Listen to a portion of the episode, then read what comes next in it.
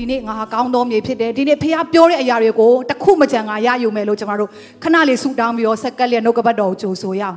ဟာလေလုယာကိုရောဖခင်ကိုရောကိုဂျေဇုတင်တယ်အဖယနေ့ကိုရောဖခင်ရှင် ကိုရောဝေငါမဲ့နှုတ်ကပတ်တော်ကယနေ့ကျမအတွက်ဖြစ်တဲ့အတွက်ဂျေဇုတင်တယ်ဒီနေရာမှာရှိနေတော့သူတွေအတွက်ဖြစ်တဲ့အတွက်ဂျေဇုတင်တယ်ကိုရောဟာအသက်ရှင်တော်ဖခင်ရှင်ဖြစ်တယ်ယနေ့စေလွတ်တော်အရာဟာစကလုံးတက်တက်မဟုတ်ပဲနဲ့ယနေ့အသက်ရှင်တော်ဖခင်ရဲ့ပလင်တော်ကနေစီးထွက်လာတဲ့တကိုးနဲ့ပြည့်တော်နှုတ်ကပတ်တော်ဖြစ်တဲ့အတွက်အိုတန်လက်တကာတို့ထက်ထက်တော်နှုတ်ကပတ်တော်ဖြစ်တဲ့အတွက်အိုကိုရောဖခင်ရှင်ဒီနှလုံးသားထဲထိထိုးဖောက်လျက်လိုအပ်တော်ချမ်းပါခြင်းလိုအပ်တော်တကိုးနဲ့တူးချီစရာတက်တာကိုဖြည့်ပေးမယ်ဆိုတာကိုယုံကြည်ပါတယ်ယနေ့ကိုရောရဲ့မျက်မှောက်တော်ကိုဤနေရာမှာကျမတို့ကြိုဆိုပါတယ်ကိုရောဖျားရှင်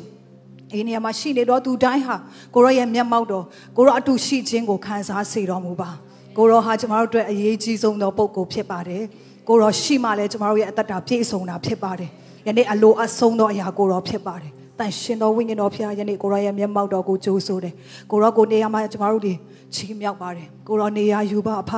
လူမလုံနိုင်သောအရာအားလုံးဟာကိုတော်တပါးတည်းလုံနိုင်သောအရာဖြစ်တဲ့အတွက်ကိုတော်ပဲလုံတော်မူပါတန်ရှင်တော်ဝိညာဉ်တော်ဖျား။အိုးကိုရောကိုချီးမြှောက်လက်ကိုရောကိုနေရာပေးလက်ကြံရှိတဲ့အရာများအားလုံးကိုကိုတော်လက်တော်ထဲသို့ယေရှုဖျားရဲ့နာမကိုမြည်ပြုလက်ဆုတောင်းလက်ဆက်ကအနံ့ကြပါ၏။အာမင်လက်ခုပ်တီးပြီးတော့ခြေပြန်ထိုင်ရအောင်ယေရှုတင်ပါတယ်။ကျွန်မဒီနေ့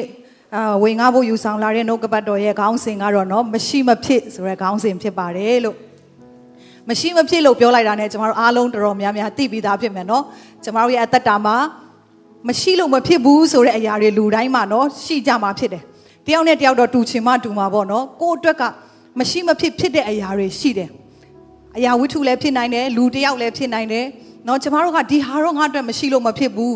အာဒီအရာအတွက်ငါလိုအပ်တယ်ပေါ့နော်တချို့သောသူတွေအတွက်ကတော့သူတို့သုံးနေကြပစ္စည်းလည်းဖြစ်မှာပေါ့နော်သူတို့သုံးနေကြပစ္စည်းပဲသွားသွားတည်နေတဲ့ပစ္စည်း အော်မိန်းကလေးဆိုရင်လည်းသူတို့ရဲ့အလှပြင်ပစ္စည်းလည်းဖြစ်နိုင်တယ်အမြဲတမ်းကျမတို့သုံးနေတဲ့အရာဒီဟာတော့မရှိလို့မဖြစ်ဘူးကျမတို့အမြဲတမ်းဆောင်ထားတဲ့အရာတွေရှိတတ်တယ်နော်တခုတချို့သောသူတွေအတွက်ကတော့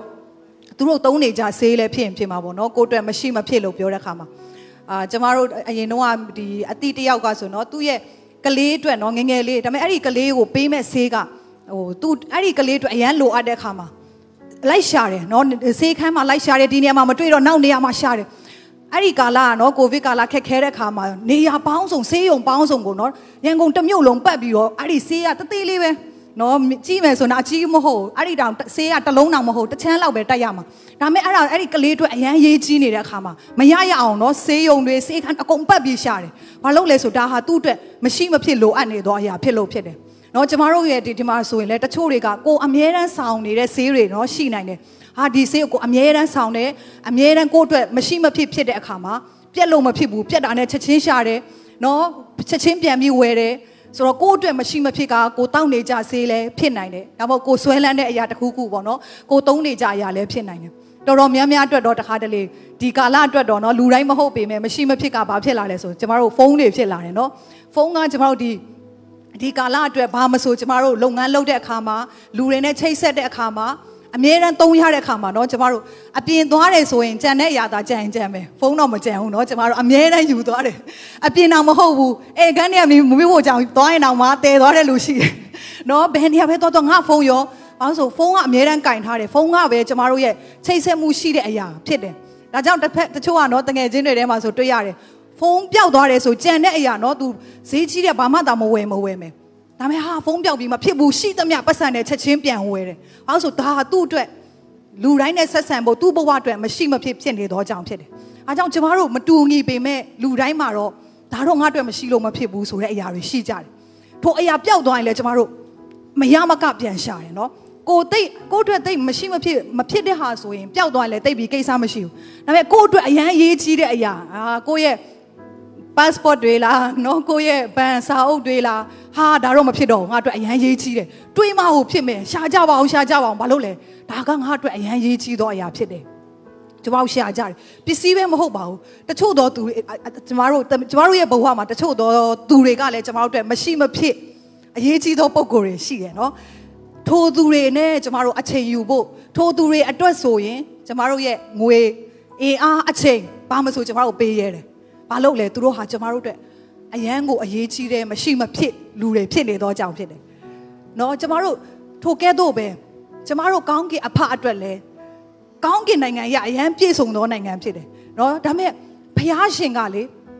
ကျမတို့ဒီ Hillsong what a beautiful name တခြင်းထဲမှာပါတယ်လို့ပေါ့ you don't want heaven without us တဲ့ကိုတော့ကျွန်တော်တို့မပါဘဲနဲ့ကိုတော့ကောင်းကင်မှာ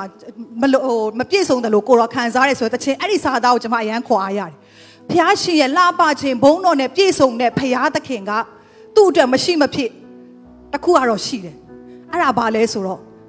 ကောင်းကင်တမန်တွေတော့အရင်မဟုတ်သေးဘူးလို့ထင်တယ်။ဘာလို့ဆိုစာရန်နဲ့တော့လူစီဖာပြအကြရှုံးသွားတဲ့အချိန်မှာကောင်းကင်ကနေနင်ထုတ်ချင်းခံရတယ်တကယ်ပဲအခုထိသူတို့နော်ဖះရဲ့တစ်ဖက်ချမ်းဖြစ်သွားတယ်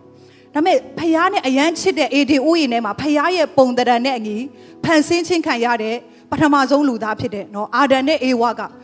ဖះစကားကိုနားမထောင်တဲ့အခါမှာနော်ကျမတို့သိပြီးသားဖြစ်တယ်အေဒီအိုးရင်ထဲကနေနင်ထုတ်ချင်းခံရတယ်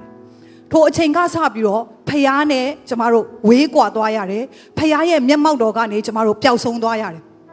ဒါပေမဲ့ဖះအတွက်ကနော်ခုနကကျွန်မခေါင်းစဉ်မှာပြောသလိုပဲ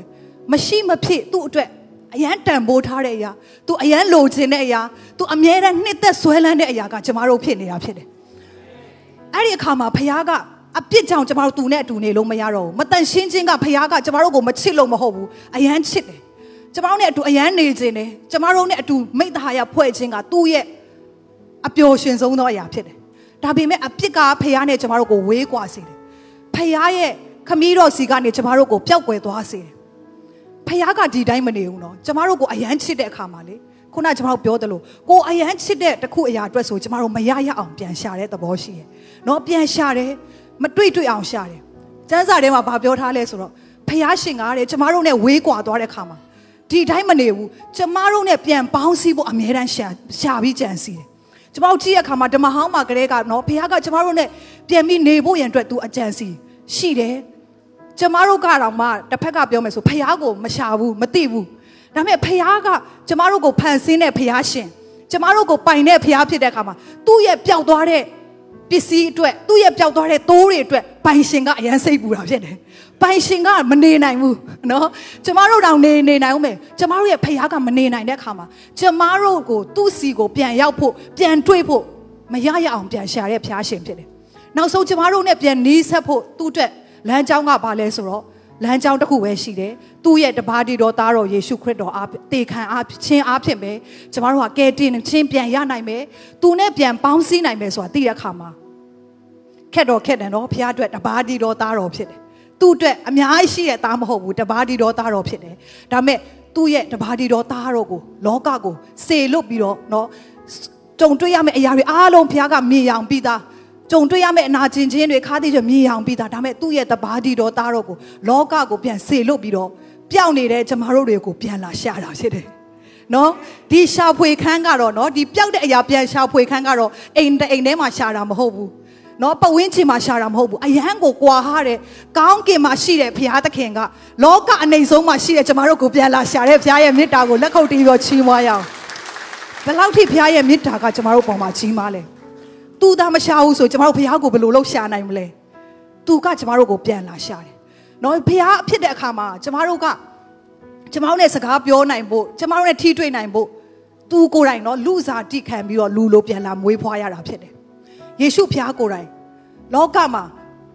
အရန်ကိုခက်ခဲမှာဖြစ်တယ်နော်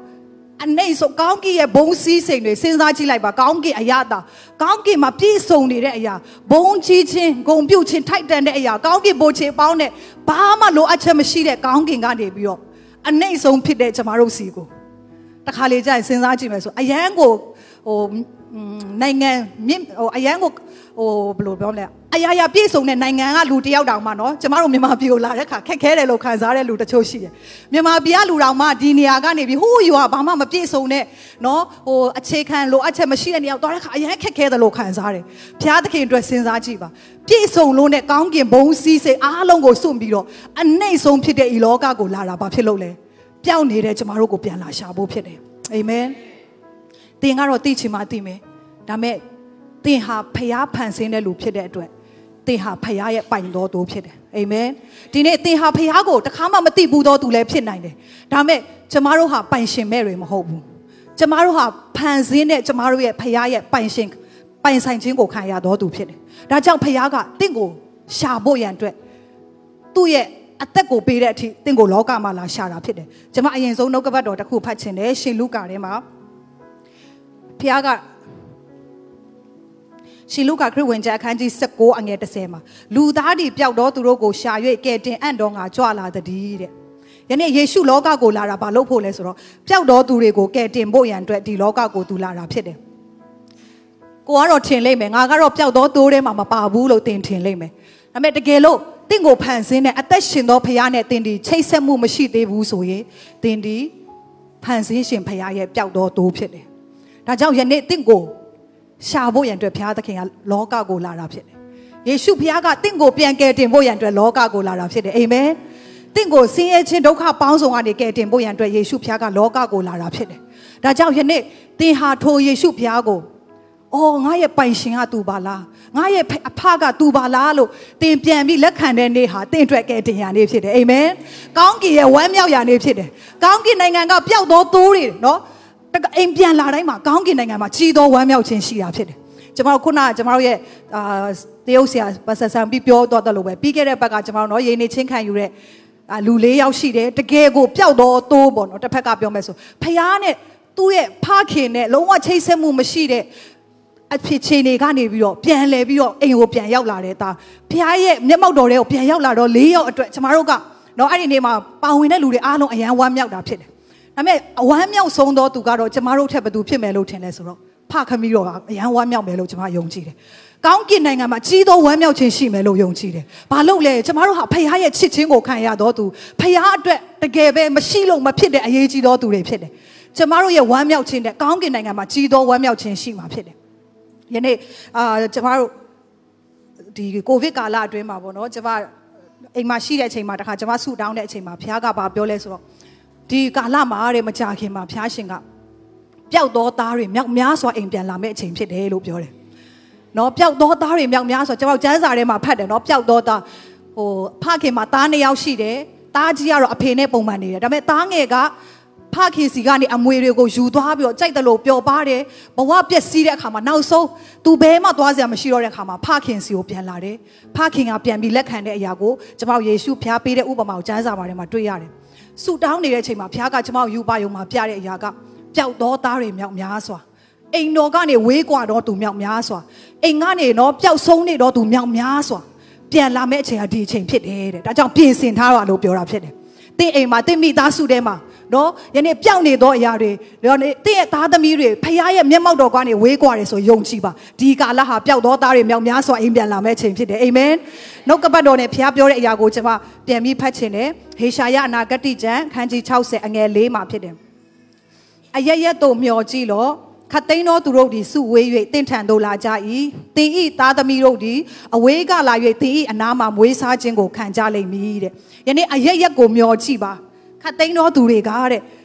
တင့်စီကိုလာကြမယ်တဲ့တင်းရဲ့သားသမီးတွေကတင့်စင်မှာမွေးစားခြင်းကိုခံရမယ်လို့ဒီနှုတ်ကပတ်တော်နဲ့ဘုရားရှင်ကစကားပြောတာဖြစ်တယ်ဒါကြောင့်ကျွန်တော်တို့ဒီနေ့မှာယုံကြည်ခြင်းမျက်စိနဲ့ကျွန်တော်တို့ကြည့်ရအောင်အရရက်ကိုမျောကြည့်ပါခတ်သိန်းသောသူတွေကလာနေတာကိုမြင်တွေ့စေမှာဖြစ်တယ်အာမင်ယနေ့ကျမတို့ယူပါယုံမျက်စိမှာကျမဘာမြင်လဲဆိုတော့နော်လာတာတော့မှဖြစ်တယ်လို့ဖြစ်ဖြည်းလေးလာတာမဟုတ်ဘူး ဖခင်ရဲ့အိမ်တော်မှာလူမြောက်များစွာကအုပ်စုလိုက်ကိုပြေးလာတာကိုဘုရားကကျမတို့ယူပါယုံမှာပြတာဖြစ်တယ်အာမင်ဒီကာလဟာအခြေအနေတွေဘလို့ပဲဖြစ်ပါစေဖခင်ရဲ့အချိန်ရောက်တဲ့အချိန်မှာဖခင်ကကြီးသောအမှုကိုပြုမှာဖြစ်တယ်။ပျောက်ဆုံးသောသူမြောက်များစွာအလုံးရင်းလိုက်ပြန်လာမဲ့အချိန်ဟာဒီအချိန်ဖြစ်တယ်အာမင်။ ကျမတို့အရင်တစ်ခါကာလမှာနော်လူမြောက်များစွာအာဒီပြန်နေမှာပြန်လာတဲ့အချိန်ပုံတွေကိုကျမတို့ကြည့်တဲ့အခါမှာအုပ်လိုက်ကြီးနော်တန်းစီပြီးတော့နော်အသက်တောင်ရှူလုံးမဝတဲ့အထိအုပ်လိုက်ကြီးပြန်လာတာကိုကျမတို့မြင်ရတာဖြစ်တယ်။တင်လဲမြင်ကြည့်စမ်းပါဦး။ဖခင်ရဲ့ကောင်းကင်ကနေပျောက်ကွယ်နေတော့ဝိညာဉ်မြောက်များစွာဆုံးရှုံးနေသောဝိညာဉ်မြောက်များစွာနော်ဟိုဘယ်တော့မှကယ်တင်ခြင်းမရနိုင်တော့ဘူးလို့ထင်တဲ့မြောက်များစွာက ဖခင်ကပြန်ပို့ဆောင်တဲ့အခါမှာမျောချိစမ်းပါတဲ့ဟာလေလုယာစုဝေးပြီးသစ်စီကိုပြန်ပြေးလာကြမယ်တဲ့နော်ပျောက်နေတော့သူတွေသစ်စီကိုပြန်ပြေးလာမှာဖြစ်တယ်နောက်ထပ်နှုတ်ကပတ်တော်တစ်ခုဖတ်ခြင်းတယ်ဟေရှာယအနာဂတိကျမ်းအခန်းကြီး40မှာနော်အဲ့မှာဖခင်ကဘာပြောလဲဆိုတော့အော်49အငယ်16ကနေပြီးတော့21ထိဖတ်ခြင်းတယ်တင်၌တုတ်တင်ပယ်ရှင်းသောအရက် ပျက်စီးသောပြည်သည်နေသူများသောကြောင့်ကျင်းကြလိမ့်မည်။တင့်ကိုကြိုက်စားသောသူတို့သည်လည်းဝေးကြလိမ့်မည်။တင်ဤသားများဆုံးပြီးမှတဖန်ရသောပြန်သောသားတို့ကနေရမလောက်ပါနေစရာအရက်ကိုပေးပါဟုတင့်အားတောင်းကြလိမ့်အောင်မည်။တင်ကလည်းဤသူတို့ကိုငါအားအဘယ်သူဖြစ်ပွားစေသနည်း။ငါသည်သားဆုံးသောသူစိတ်ညံလက်နေရသောသူနင်ထုတ်ခြင်းကိုခံရသဖြင့်အဝေးသို့လဲရသောသူဖြစ်၍ဤသူတို့ကိုအဘယ်သူမွေးစားသနည်း။ငါသည်တယောက်တည်းနေရသောသူဖြစ်၍ဤသူသည်အဘယ်မှရှိကြသနည်းဟုအောက်မေ့ရလိမ့်မည်တဲ့။ယနေ့ဖခင်ကကျွန်တော်ဒီနှုတ်ကပတ်တော်ပြောတဲ့အချိန်မှာဒီအရာကယနေ့ဒီနေရာမှာရှိနေတော့ကျမတို့အားလုံးအတွက်ဖြစ်တယ်လို့ဘုရားကပြောတာဖြစ်တယ်။ဒါကြောင့်တင်၌တုတ်တင်ပယ်ရှင်းသောအရက်တင်ရဲ့ပျက်စီးနေသောအရက်ကျင်းနေသောအရက်မှာတဲ့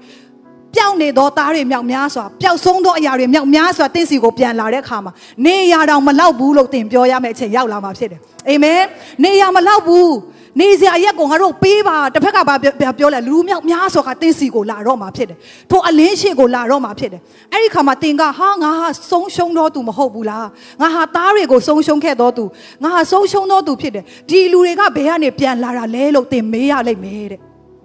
အာမင်ယနေ့တင်ဒီဆုံးရှုံးခဲ့ဘူးတော့သူဖြစ်နိုင်တယ်နော်တင့်ရဲ့သားသမီးတွေဖျားတဲ့ကနေတင်ဆုံးရှုံးခဲ့ဘူး သူဖြစ်နိုင်တယ်တင့်ရဲ့ခင်ပွန်းတော်၎င်းတင့်ရဲ့မိသားစုဝင်တွေမျက်မှောက်တော်ထဲကနေဆုံးရှုံးတော်သူဖြစ်နိုင်တယ်ဒါပေမဲ့ဖျားကယနေ့ဒီကာလမှာပါပြန်လုပ်မလဲသူတို့ကိုပြန်ပို့ဆောင်တဲ့အခါမှာတင်ဟာအံ့ဩရလိမ့်မယ်အာမင်ငါကတယောက်တည်းနေတော့သူမဟုတ်ဘူးလားငါဆုံးရှုံးခဲ့တာမဟုတ်ဘူးလားတယောက်တည်းအထီးကျန်နေတာမဟုတ်ဘူးလားအခုငါဘေးမှာရောက်လာတဲ့ဒီလူတွေကဘာတူလဲဖျားပို့ဆောင်တော်သူတွေဖြစ်တယ်ယနေ့ဖျားကဘာကိုပြောမလဲတင်ဆုံးရှုံးသောအရာများ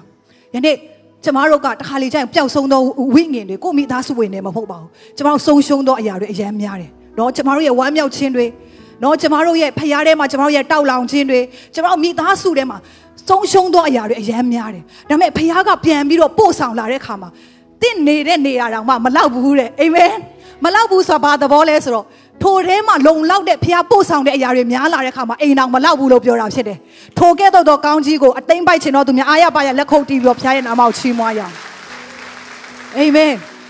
ဟေရှာယထဲမှာဘာဘာပြောလဲဆိုတားမဖွားသောအမြုံမားတဲ့ဝမ်းမြောက်ပါလေဘာလို့လဲဆိုသင်ဟာလက်ရပဲလက်ဝဲပဲတိုးပွားမှာတဲ့ဒါကြောင့်တင့်တဲရကိုချဲ့ထားပါတယ်ဟာလေလုယာ ဒီကာလဟာအသင်းတော်တွေတဲရစပြီးချဲ့ရတော့မယ့်ချိန်ဖြစ်တယ်အာမင်တည့်ရဲ့ဝိညာဉ်ရေးရမှာယုံကြည်ခြင်းနဲ့တဲရတွေကိုချဲ့ထားပါဖျားပို့ဆောင်လာတဲ့အခါမှာသင်ကပြောရလိမ့်မယ်မလောက်တော့ဘူးကိုတော့နေရတာရွေးချဲ့ပေးပါလို့ပြောရမယ့်အချိန်ရောက်ပြီယခုဖျားကျေးဇူးတော်ကြောင့်ယနေ့အသင်းတော်မှာတော့ပြည့်ရှံတဲ့အထိဖျားကကျမတို့ကိုပို့ဆောင်တယ်ယနေ့နောက်များစွာသောသူတွေလူမျိုးပေါင်းစုံအရရက်ကနေလာခဲ့တော့ နော်တပြိုင်နဲ့2000 3000လာရင်ကျမတို့ဘာလို့အောင်ပြင်ဆင်ရတော့မှာဖြစ်တယ်။ယုံကြည်ခြင်းနဲ့မြင်ရောင်ရအောင်ကျမတို့အသင်းတော်တွေပျောက်ဆုံးသောဝိညာဉ်မြောက်များစွာအလုံးရေးလိုက်ပြေးလာလျက်နော်ဖခင်ရဲ့အိမ်တော်မှာအိုးငါဖခင်ကိုပြန်တွေ့ပြီငါဖခင်ကိုငါတွေ့ပြီလို့ကျမတို့ပြေးလာတာကိုယုံကြည်ခြင်းနဲ့မြင်ရောင်ရအောင်ကျမယူပါယုံမှာမြင်တဲ့အရာကလေကျမတို့ရန်ဝမ်းမြောက်တယ်ဒါပေမဲ့ဖခင်ကဒီကာလမှာဝမ်းမြောက်မျက်ရည်နဲ့နော်အိမ်တော်ဖခင်ရဲ့အိမ်တော်မှာတကားဖွင့်လျက်သူ့စီကိုပြန်လာမဲ့ လူမြောက်များစွာကဝမ်းမြောက်မြည်ရင်နဲ့ဘုရားကကြိုးဆိုနေတော့အချိန်ဖြစ်တယ်ဒီကာလမှာကျွန်မမြင်ရတာလေဘုရားကထိုင်နေရမဟုတ်တော့ဘူးအေးအေးစစ်စစ်ထိုင်ပြီးတော့အချိန်ရှိပါသေးတယ်မလုပ်တော့ဘူးဘုရားကမတည့်ရက်ပြီးတော့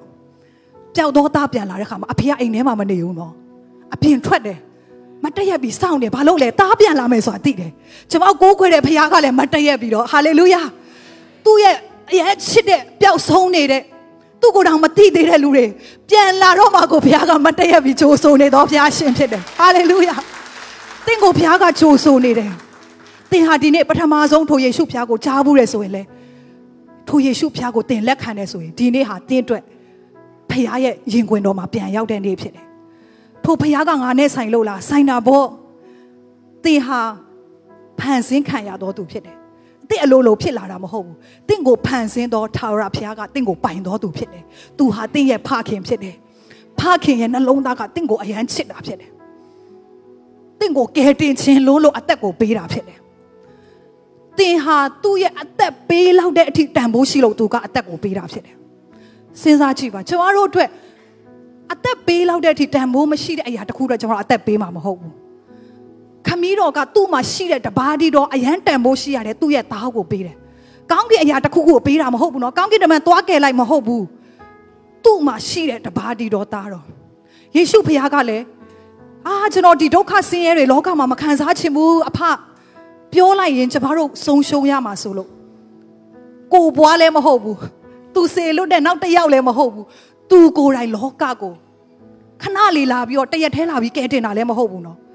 စင်းလာပြီးလူတိုင်းခံတဲ့ဒုက္ခဆင်းရဲအားလုံးကိုခံပြီးတော့နောက်ဆုံးနာကျင်စွာထိုးခြင်းနှိပ်စက်ခြင်းကိုခံပြီးတော့ဘာလို့အသက်ပေးခဲ့တယ်လဲ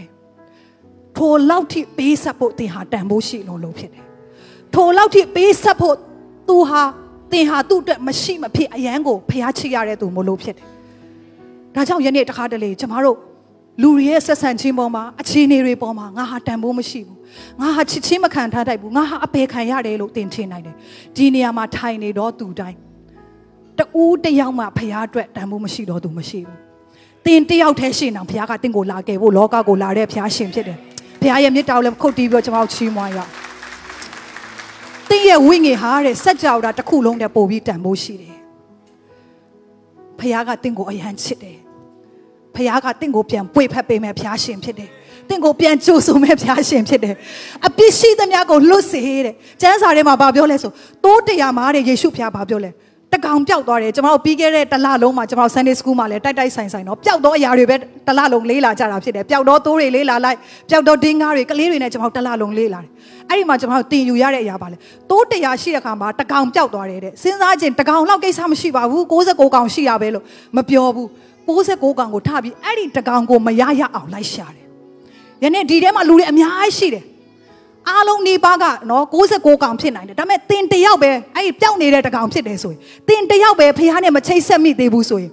ကြံတဲ့အရာတွေအားလုံးထားခဲ့ပြီးတင်တယောက်ကိုမရရအောင်လိုက်ရှာတဲ့ယေရှုဖះဖြစ်တယ်ဟာလေလုယာတွေ့တဲ့အခါမှာတဲ့ကျွန်မအရန်ခွန်အားရပါဆိုတော့အဲ့ဒီရှိတဲ့69ကောင်ထဲတဲ့ပျောက်တော့တိုးအတွက်ပို့ပြီးဝမ်းမြောက်တဲ့ခမည်းတော်ဖះဖြစ်တယ်တဲ့ ယနေ့သင်ဟာဖះရဲ့အိမ်တော်ထဲမှာရောက်လာတဲ့အခါမှာငါဖះကိုငါတိပြီငါ့ကိုကယ်တင်ရှင်ကိုငါတိပြီလို့ရောက်လာတဲ့အခါမှာကျမတို့ရှိပြီးသားလူတွေကိုဝမ်းမြောက်တယ်လို့သင်ရောက်လာတဲ့အတွက်ဖះကပို့ပြီးဝမ်းမြောက်တာဖြစ်တယ်ဒါကြောင့်ယနေ့သင်ဒီထိုကဲ့သို့သောသူရှိတယ်ဆိုဒီနေ့ယေရှုဖះနဲ့ချိတ်ဆက်ပါဒီနေ့ဟာသင်အတွက်ကယ်တင်ရနေ့ဖြစ်တယ်အာမင်ယနေ့ဟာသင်အတွက်လွတ်မြောက်ရနေ့ဖြစ်တယ်ဘာဖះကကျမတို့ကိုထိုများထိချစ်တော်ဖះရှင်ဖြစ်တယ်ကျမတစ်ဖက်ကစဉ်းစားမိတယ်အော်ဖះကငါတို့ကိုဒီလောက်တောင်ချစ်တယ် ကျမ်းစာထဲမှာယေရှုဖះလောကမှာရှိတဲ့အချိန်မှာကြီးတဲ့အခါမှာလေခုနကျမတို့ပြောသွားတဲ့ဇခဲရဲ့အသက်တာဆိုရင်ယေရှုဖခင်ကလူသူ့နောက်မှာလူအုပ်တွေမြောက်များစွာရှိတယ်။သူနမိတ်လက္ခဏာတွေလုပ်တယ်။တရားတွေဟောတယ်လူအုပ်မြောက်များစွာရှိတယ်။ဒါပေမဲ့လူတိုင်းရဲ့လှုပ်ဆောင်မှုကယေရှုရဲ့နှလုံးသားကိုတစ်ဖက်ကဘယ်လိုပြောဆိုမဖမ်းဆုပ်နိုင်ဘူး။ဒါပေမဲ့ယေရှုရဲ့နှလုံးသားကိုဖမ်းဆုပ်နိုင်တော့သူတချို့ကိုကျွန်မချစ်ရခါအရန်ခေါ်အားရ။ထိုသူတွေကလေဖာရီရှဲတွေအရင်မဟုတ်ဘူး။ ဟိုအရန်ချမ်းသာတဲ့လူပုံကိုယ်တွေလည်းနံပါတ်1မဟုတ်ဘူး။ဘသူတွေလဲဆိုတဲ့အခါမှာသူတို့နှလုံးသားထဲမှာယေရှုကိုအယမ်းကိုတောင်းတပြီးတော့ကိုတော့မရှိလို့မဖြစ်ဘူးကိုတော့ကိုကျွန်တော်ရမှပြည့်စုံမယ်ကိုတော့ကိုကျွန်တော်တွေးမှဖြစ်မယ်လို့နှလုံးသားထဲမှာသူ့ကိုအယမ်းစာငတ်တဲ့လူတိုင်းကယေရှုရဲ့နှလုံးသားကိုဖန်ဆုပ်နိုင်တော်သူတွေဖြစ်တယ်အာမင်မစနေနေ့လုံးသွေးတော်အနာဆွဲတော်အမျိုးသမီးလူအုပ်မြောက်များစွာယေရှုကိုပုတ်တိုက်မိတယ်ဘာမှမယေရှုကမခံစားဘူးဒါပေမဲ့နှလုံးသားနဲ့ကိုရော ကျွန်တော်ကကျွန်မကလူနာစနေနေ့လုံးသွေးသွန်အနာဆွဲတဲ့ယောဂခံစားနေတယ်နော်စေးတမမြောက်များစွာလဲပြပြီးပြီလုံးဝဘာမှမထူချဘူးဒီအရာကိုပျောက်ကင်းစေနိုင်တာကိုတော်တပါးပဲရှိတယ်ကိုတော်နဲ့ကျွန်မလုံးဝမတွေ့လို့မရဘူးကိုရောကိုကျွန်မတွေ့မှဖြစ်မယ်ဆိုတော့သူအထဲကမတွေ့လို့မဖြစ်ဘူးဆိုတော့စာငတ်ခြင်းနဲ့ယေရှုကိုသွားတို့တဲ့ခါမှာယေရှုရဲ့နှလုံးသားကိုဖန်ဆုပ်နိုင်တာဖြစ်တယ်အာမင်ထိုကဲ့သို့ပဲ ကျွန်တော်ဒီရှင်လုကာထဲမှာဘု து အကြောင်းတွေ့ရတယ်ဆိုဇခဲရဲ့အသက်တာ ဇခဲကကျွန်တော်တို့သိပြီးသားဖြစ်တယ်နော် Sunday School ကလေးကဆိုအသေးစိတ်မဖတ်တော့ဘူးရှေလုကာခရစ်ဝင်ကျမ်းအခန်းကြီး16မှာရှိတာဖြစ်တယ်။သူကအခွန်ခံဖြစ်တယ်တဲ့အရာရှိဖြစ်တယ်။ပြောချင်တာကလေးလည်းမဟုတ်လူငယ်လည်းမဟုတ်လူတွေသိတဲ့အခွန်ခံအရာရှိတယောက်ဖြစ်တယ်လူကြီးတယောက်ဖြစ်တယ်။ဒါပေမဲ့ယေရှုဖျားလာတဲ့အခါမှာသူ့ရဲ့အားနည်းချက်ကဘာလဲဆိုအရက်ပူတယ်။ပူတဲ့အခါလူအရမ်းများလို့နော်ယေရှုနာမှာလူအရမ်းများတဲ့အခါမှာသူယေရှုကိုမမြင်နိုင်ဘူး။မမြင်နိုင်တဲ့အခါမှာခုနကကျွန်မပြောသလိုဟာငါအရက်ပူတယ်ဆိုတော့ ယေရှုလည်းမမြင်ရအောင်ဆိုတော့ငါမသွားတော့ပါဘူးလေငါအတွက်အခြေအနေရမှမပေးတာလို့ तू ရက်လိုက်လို့ရတယ်ဒါပေမဲ့ तू လုံးဝမရက်ဘူးနော်တခါလေကျရင်ကျမတို့ကလေလွယ်လွယ်လေးနဲ့ရက်ကြတယ်ဟာငါအတွက်မပါပါဘူးဒီကောင်းကြီးကဟာတော်ပါပြီလေငါလူတွေကိုလည်းတိုးနိုင်မှာမဟုတ်ဘူးဒါမဲ့တကယ်စာငတ်ခြင်းပြင်းပြလာတဲ့လူဟာလေတကယ်တောင်းတခြင်းပြင်းပြလာတဲ့လူဟာဘာအတားဆီးမဆိုသူတို့ကကြော်လွားနိုင်တာဖြစ်တယ်ဇခဲရဲ့အသက်တောင်ကြည့်တဲ့ခါမှာငါအရက်ပူတယ်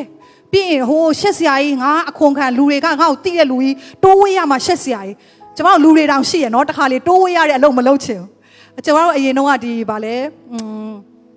အပေါ်ဆအာဗြဟံနဲ့နော်ကျမတို့ကျမစတက်ခါစားတော့ကဆိုဟာကျမတို့တိမ့်ပိုက်တယ်အခြေချေညာတဲ့ခါမှာကိုကရှက်တယ်လို့ဖြစ်နေဒါပေမဲ့သူကပြောတဲ့ခါမှာဒီဟာကတင့်အတွက်ကောင်းကြီးဖြစ်တယ်ကောင်းကြီးကိုတင်တီတိုင်းအေးဆေးနေမှာလားဆိုခါမှာဟုတ်တယ်ကျမတို့ကမရှက်နိုင်တော့ဘူးနော်ငါအတွက်ဖြစ်တယ်ဆိုအားရပါရကျမတို့တိမ့်ပိုက်တယ်အဲ့လိုပဲကျမတို့အတွက်အရင်အရေးကြီးလာပြီဆိုလူတွေကမရှက်နိုင်တော့ဘူးနော်တကယ်အသက်နဲ့အရေးကြီးလာပြီမရှိမဖြစ်ဖြစ်လာပြီဆိုရင်လူတွေက ကိုရှက်တာတွေနော်ဒါမှမဟုတ်ကိုတိတ်ခါနဲ့အင်းငါနေဒီလိုပဲနေမရှိတော့ဘူးစခဲဆို तू ရှက်တာတွေတိတ်ခါတွေလူတွေလောင်မာတွေဂီယူမဆိုင်တော့ဘူးဘာလို့လဲဆိုတော့ तू ကချမ်းသာတော့ तू လူတိတော့ तू ဖြစ်ပေမဲ့ तू အထဲမှာကွက်လက်တစ်ခုဟာရှိနေတယ်ထိုကွက်လက်ကိုဘယ်သူမှမဖြည့်နိုင်ဘူးဆိုတာ तू ပဲသိတာဖြစ်တယ်လူတွေက သူ့ကိုကြည့်တော့ပြည့်စုံတယ်လို့ဖြစ်နိုင်တာပေါ့။အော် तू ကချမ်းသာတယ်အခွန်ခံဖြစ်တယ်လူတွေရှေ့မှာမျက်နှာရတော့သူအမျိုးမျိုးလည်းဖြစ်နိုင်တယ်လူတွေကလက်ခံထားတော့သူဖြစ်နိုင်တယ်။ဒါမဲ့လူတွေမသိတဲ့သူ့အထဲမှာရှိနေတဲ့ကွက်လက်ကို तू ပဲသိတာဖြစ်တယ်။ဒါကြောင့်တခါလေကျွန်မဒီနေရာမှာထိုင်နေကြတယ်။တယောက်နဲ့တယောက်ကြည့်တဲ့ခါမှာအားလုံးကလေအစဉ်ပြေနေတယ်လို့ပဲပြည့်စုံနေကြတယ်လို့ပဲ။ဒါမဲ့လူတွေကိုမပြောပြလို့ရတဲ့တင်ပြောမပြရဲတဲ့တင့်အထဲမှာရှိရဲ့ကွက်လက်ကိုတင်ကိုယ်တိုင်ပဲသိတာဖြစ်တယ်။ ဇခဲလဲ तू သိတယ်သိတဲ့အခါမှာ तू ကထိုအရာတွေကိုကြော်လွားဖို့မလုပ်လဲငါအရက်ပူတယ်ယေရှုကိုမြင်ရမှာမဟုတ်ဘူးဒါပေမဲ့ဘယ်လိုနည်းနဲ့ငါမြင်ရမလဲ तू နော်နောက်ဆုံးမလုပ်လဲတစ်ပင်ပေါ်တက်တာဖြစ်တယ်စဉ်းစားကြည့်တော့ကျွန်တော်စကားပြောတဲ့ခါသာလွယ်တာတကယ်ကိုစဉ်းစားကြည့်ဒီနေရာမှာနော်တကယ်ကိုအရာရှိတယောက်လာပြီးတစ်ပင်ပေါ်တက်မယ်ဆိုကျွန်တော်တို့ရည်စရာဖြစ်နေမှာစခဲလဲအဲ့လိုမျိုးပဲဒါပေမဲ့ तू ထိုအရာတွေအားလုံးကိုဂယုမဆိုင်နိုင်တော့ဘဲနဲ့ယေရှုကိုမတွေ့တွေ့အောင်ရှာတဲ့အခါမှာ လူမြောက်များစွာရှိနေပေမဲ့ယေရှုကထိုလူအုပ်ထဲမှာဇခဲရဲ့နှလုံးသားကိုယေရှုကမြင်တဲ့အခါမှာချက်ချင်းပါပြောလဲဇခဲဆင်းခဲ့ပါတဲ့ယနေ့တိတ်အိမ်မှာငါစားတော့မယ်တဲ့ပြီးတော့ပါပြောလဲဒီနေ့ဟာ ကဲတင်ရနေ့ဖြစ်တယ်တဲ့ဇခဲအတွက်ကျွန်တော်16မှာဆက်ဖတ်မယ်ဆိုရင်တော့ဒီနေ့ဟာဇခဲအတွက်ကဲတင်ရနေ့ဖြစ်တယ်တဲ့ငါဟာပျောက်သောသူတွေကိုလာရှာတာတဲ့ဇခဲကပျောက်သောသူဖြစ်တဲ့အတွက်ငါဒီပျောက်သောသူတွေကိုလာရှာတာဒါကြောင့်ယေရှုရဲ့နှလုံးသားကိုဇခဲကတိမ်ပိုက်နိုင်တဲ့အရာကပါလေသူ့အထဲမှာပြင်းပြသောစာငတ်ခြင်းကိုရောမကယ်လို့မဖြစ်ဘူးကျွန်တော်ရဲ့နှလုံးသားကွက်လက်ကကိုရောပဲဖြည့်နိုင်တာတခြားလူဖြည့်လို့မရဘူးကိုရောဆိုပြီးတော့သူ့ရဲ့စာငတ်ခြင်းကိုမြင်တော့ယေရှုဖျားဖြစ်တယ် ထိုကဲ့သို့ပဲနော်ကျွန်မဘု து အကြောင်းတွေ့ရလဲဆိုအဲ့ဒီရှင်လုကာခရစ်ဝင်ကျမ်းရဲ့အရှိမဖန်၁၈မှာပဲဗာတိမဲအကြောင်းကိုကျွန်တော်တွေ့ရတယ်ဗာတိမဲကမျက်စိမမြင်တော့သူဖြစ်တယ်ရေတခေါမြုံနားလေးမှာသူကထိုင်ပြီးတောင်းစားတဲ့သူတွေဖြစ်တယ်ဒါပေမဲ့အဲ့ဒီနေရာကိုယေရှုဖျားလာတယ်ဆိုတာကိုသိတဲ့အခါမှာသူကယေရှုအကြောင်းကိုသိတယ်ယေရှုကကျမ်းမာခြင်းကိုပေးတဲ့ဖျားဖြစ်တယ်သူ့အတွက်လွတ်မြောက်ခြင်းကိုပေးနိုင်တဲ့ဖျားဖြစ်တယ်ဆိုတာသူသိတဲ့အခါမှာသူကရှင်လုကာခရစ်ဝင်ကျမ်းအခန်းကြီး၁၈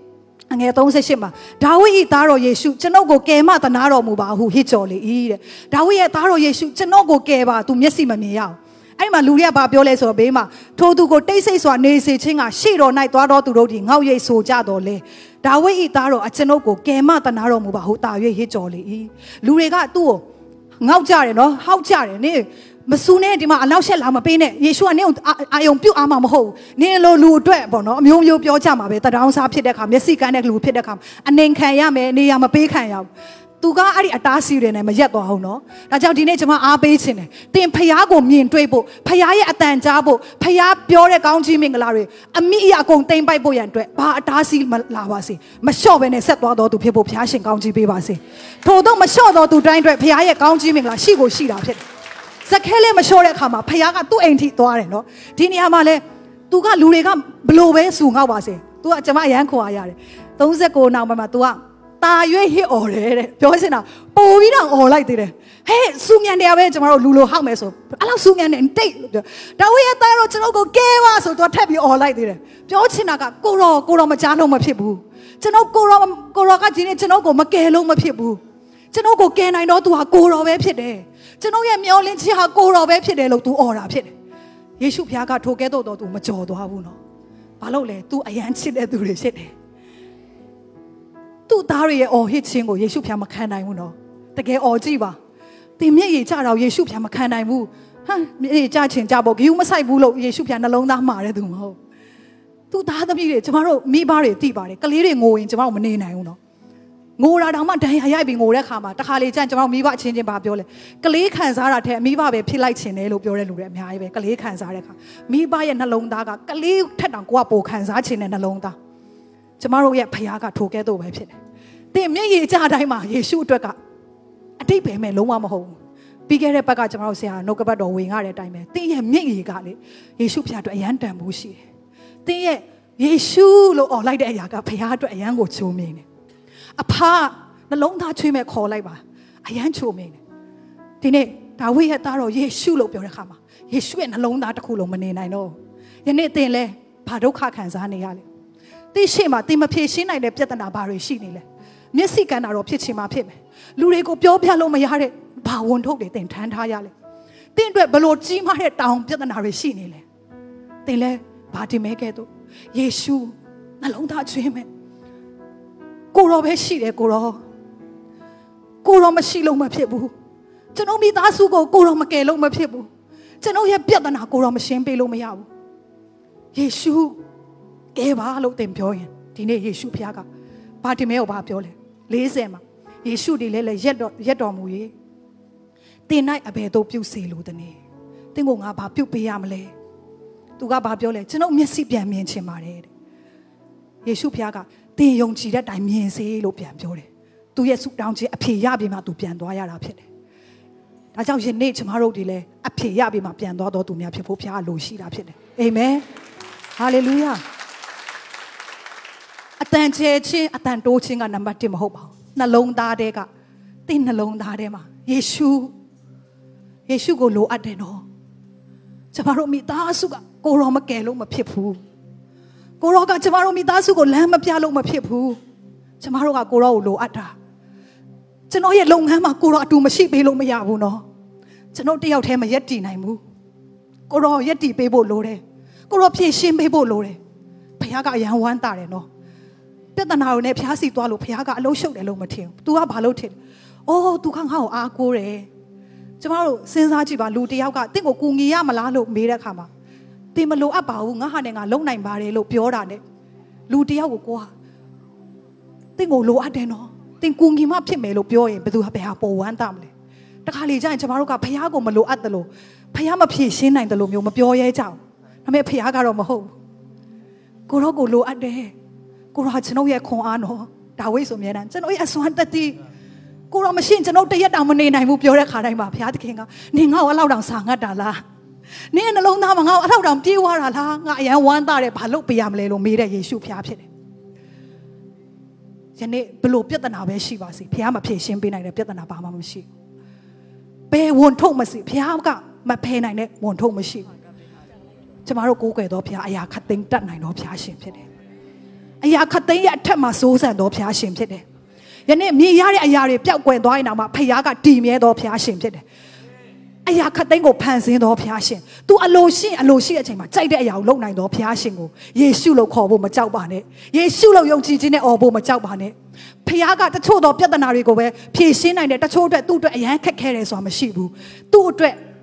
ကျမ်းစာထဲမှာပြောတယ်ဖခင်သခင်မတတ်နိုင်သောအရာတစ်စုံတစ်ခုရှိသလား။ကျမဒီနေ့တင့်ကိုမေးပါရစေ။တင့်ပြဿနာကိုတင်ကဘာမှမတတ်နိုင်ဘူးလို့ထင်လိုက်မယ်။ဒီနေ့ကျမပြန်ပြောမယ်။ဖခင်သခင်မတတ်နိုင်သောအရာတစ်စုံတစ်ခုရှိသလား။ လုံးဝမရှိဘူး။အာမင်။လုံးဝမရှိဘူး။အရာခတ်သိမ်းတတ်နိုင်သောဘုရားရှင်ဖြစ်တယ်။ဒီနေ့ထို့ဘုရားရှင်မှာကျမတို့ဆုတောင်းပြီးတော့ယေရှုလို့ဒီနေ့အော်ရဲဆိုရင်တင်းရဲ့ပြဿနာတွေကိုသူဖြေရှင်းပေးမှာဖြစ်တယ်။တင်းစဉ်းစားတာထက်တောင်ပိုပြီးကောင်းတဲ့ပုံစံနဲ့ဖြေရှင်းပေးမယ်ဘုရားရှင်ဖြစ်တယ်။သူဟာတင်းအရန်တင်းကိုတင်းကိုအရန်ချစ်တယ်တင်းကိုပျော်စေခြင်းနဲ့တင်းကိုဝမ်းမြောက်စေခြင်းနဲ့ဘုရားရှင်ဖြစ်တယ်။အဲ့လိုပဲကျမတို့ရဲ့အသက်တာမှာလဲဖခင်ကကျမတို့ကိုအယမ်းချစ်တယ်လို့သူကလည်းဘာလိုချင်လဲဆိုတော့ကျမတို့ရဲ့ချစ်ချင်းကိုလိုချင်တဲ့ဖခင်ရှင်ဖြစ်တယ် စဉ်းစားကြည့်တော့လူတယောက်ကကျမကိုတခါကျမဆူတောင်းမှလည်းပြောဘူးတယ်ယေရှုကကျမဆူတောင်းတဲ့အချိန်မှာတခါပါပြောလဲဆိုတော့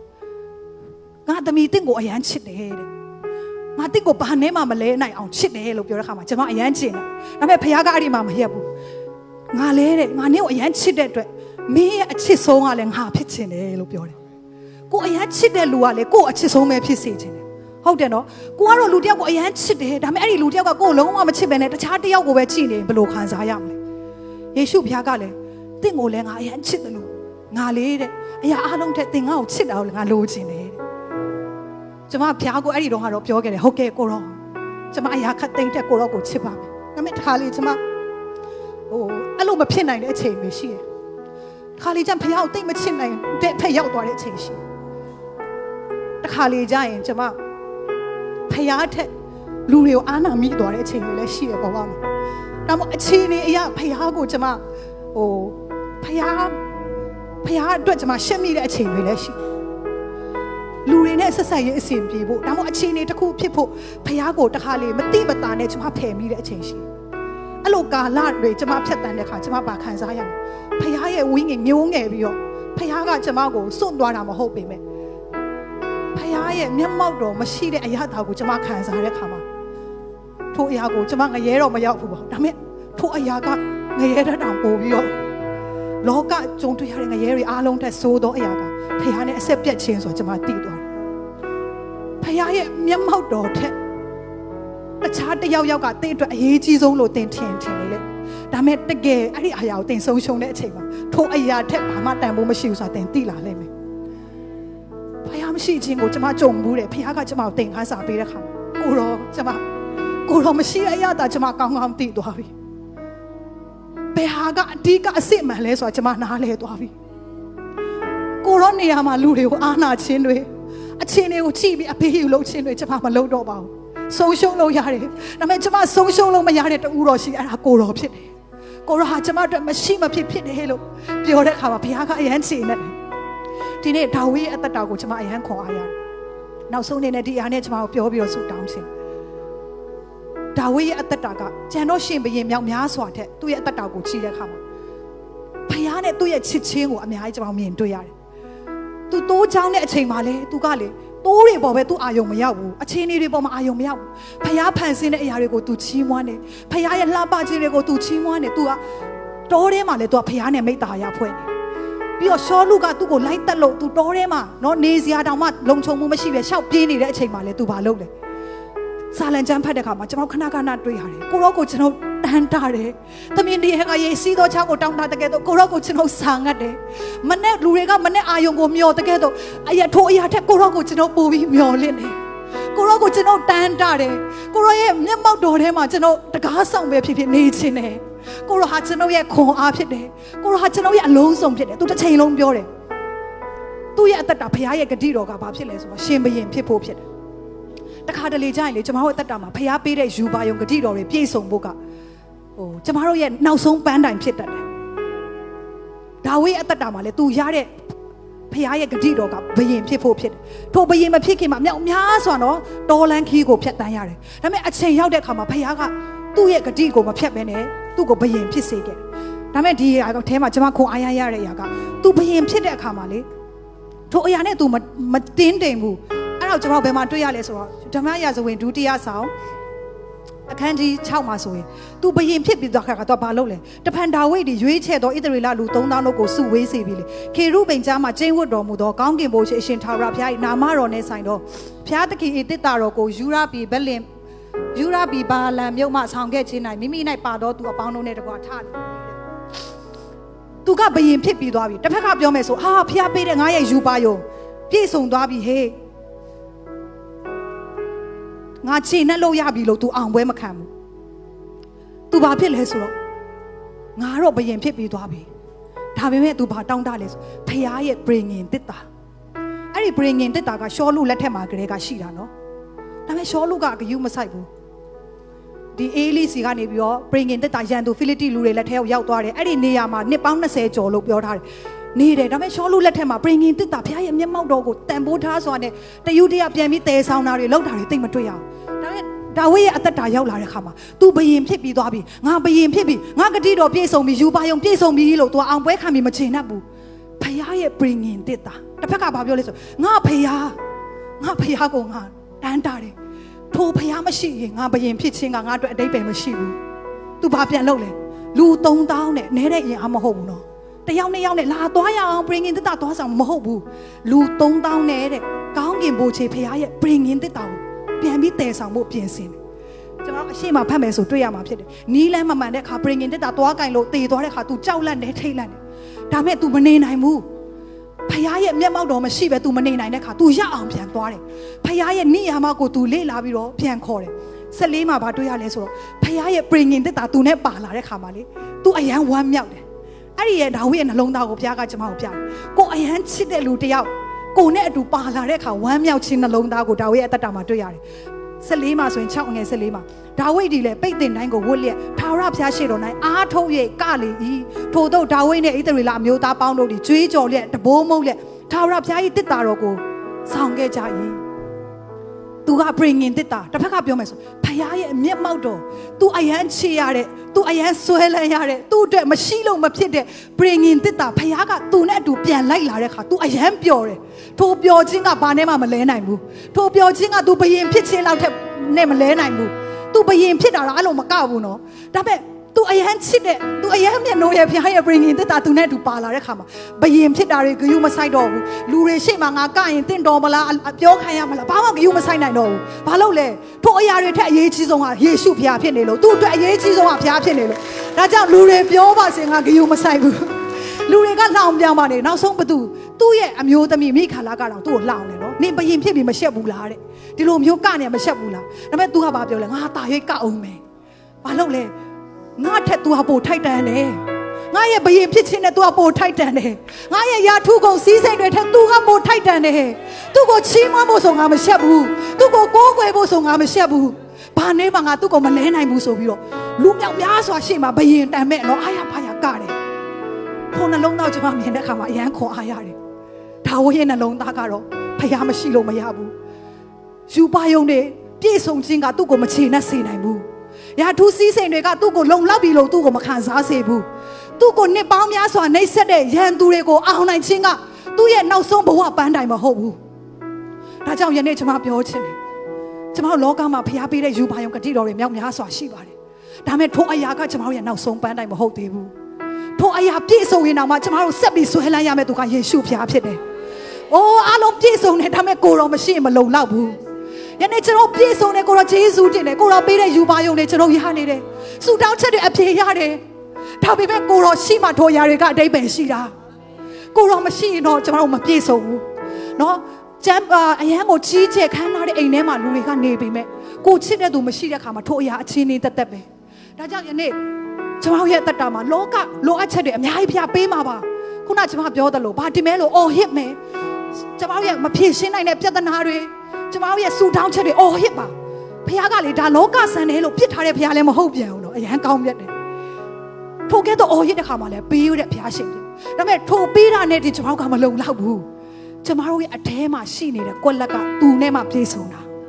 ဒါကိုစခဲကတိတယ်ငါမှငွေကြေးရှိတယ်ဒါပေမဲ့ငါမှတခုခုလိုနေတယ် အဲ့ဒါကကိုရောတင့်မှာပြည့်စုံတဲ့ຢာတွေရှိတယ်ဒါပေမဲ့ကိုလက်တစ်ခုခုတော့ရှိတယ်အဲ့ဒါဘာတူလဲယေရှုဖခင်ပဲဘာဖြစ်လို့လဲကျမတို့ကိုစပြီးဖန်ဆင်းကြတဲ့ကယေရှုဖခင်ကဖခင်တခင်ကျမတို့ဖန်ဆင်းကြတဲ့ကသူနဲ့တလုံးတဝဖြစ်မှပြည့်စုံဖို့ဖန်ဆင်းထားတာဒါကြောင့်သူနဲ့တင်မချိတ်ဆက်မိမချင်းသူနဲ့တင်ပြန်ပြီးတော့မပေါင်းစည်းမချင်းအဲ့ဒီနေရာကဟာနေပါအဲ့ဒါကိုငွေချေးကမဖြစ်နိုင်ဘူးယာထူးစည်းစိမ်တွေကမဖြစ်နိုင်ဘူးလောကဘာအရာကမှမဖြစ်နိုင်ဘူး မဖြစ်နိုင်အောင်လဲဘုရားကလှုပ်ထားတာသူနဲ့မှပြည့်စုံဖို့ဘုရားကတင့်ကိုဖန်ဆင်းထားတာဒါကြောင့်သင်နဲ့သူပေါင်းဆက်တဲ့အချိန်ကပြည့်စုံခြင်းဖြစ်တယ်ဒီလကကျမတို့ဒီပျောက်သောအရာများကိုပြန်ရှာရမယ်လာလို့ကျမတို့ခေါင်းစဉ်ရှိကျမတို့ဘုရားကသူ့ရဲ့လူတွေအားဖြင့်ကျမတို့ကိုစကားပြောတယ်ဘုရားသခင်ကတော့ကောင်းကင်ကနေတောင်မှအနေဆုံးတင့်ကိုလာရှာတယ်ယနေ့တင့်အတွက်လိုအပ်တယ်မရှိမဖြစ်ကလည်းထိုဘုရားပဲဖြစ်တယ်ယနေ့ထိုဘုရားနဲ့ကျမတို့ပေါင်းစည်းမဲ့နေဟာဒီနေ့ဖြစ်ပါတယ်ဒါကြောင့်ယနေ့ကျမတို့ခဏလေးမှတည့်ရက်လက် ကျမတို့ပြန်ပြီးတော့ဆုတောင်းရအောင်ကိုရောကျွန်တော်ရဲ့အသက်တာမှာကိုရောမရှိလို့မဖြစ်ဘူးနော်ဘာဒီမဲကဲ့သို့ဘာပြဿနာနဲ့တင်ရောက်လာလဲဘလို့အခက်ခဲနဲ့တင်ရောက်လာတယ်ဘလို့နှလုံးသားနာကျင်ခြင်းနဲ့ရောက်လာလဲဘာတွေတင်ဆုံးရှုံးထားရတယ်လဲယနေ့တင်ပြောရမယ့်အရာကကိုရောမရှိလို့မဖြစ်ဘူးယုံကြည်ခြင်းနဲ့နှလုံးသားခြင်းနဲ့အော်ဟစ်ပါ ကိုဘေးကလူတွေကိုလည်းဂယူမဆိုင်ပါနဲ့တခါတလေကြာရင်ဟိုကျမတို့ကလေဟိုကိုဘေးကလူတွေကငါ့ကိုတမြင်မြင်သွားမလားငါငိုတာမြင်မလားငါအော်ဟစ်တာမြင်မလားစခဲကမရှက်ဘူးနော်တင်းတကယ်လွတ်မြောက်ခြင်းနဲ့ဆိုရင်ဖခင်ရဲ့နှလုံးသားကိုတင်ရခြင်းနဲ့ဆိုရင်အော်တာဟစ်တာရင်ပြောတာမဟုတ်ဘူးနှလုံးသားအချင်းမဲ့ကိုရောအော်ဟစ်လိုက်ပါကိုရောကျွန်တော်တို့မတွေ့မရှိလို့မဖြစ်ဘူးတင်းမိသားစုနဲ့တင်နေတယ်ဆိုလဲကျွန်တော်တို့မိသားစုကကိုရောမရှိလို့မဖြစ်ဘူးကျွန်တော်တို့ကကိုရောနဲ့မှရက်တည်နိုင်တာ ကိုတော်မပါဘဲနဲ့မရက်တည်နိုင်ဘူးကျန်းစာကပြောပြီးသားတင်တို့အလီငါနဲ့ကွာလေအဘယ်အမှုကုန်များမတက်နိုင်ကြကိုတော်မရှိလို့မဖြစ်ဘူးကိုတော်ကိုကျွန်တော်လိုအပ်တယ်လို့ယနေ့ဒီတချင်းနဲ့ကျွန်တော်စပြီးတော့ခဏလေးဆူတောင်းရအောင်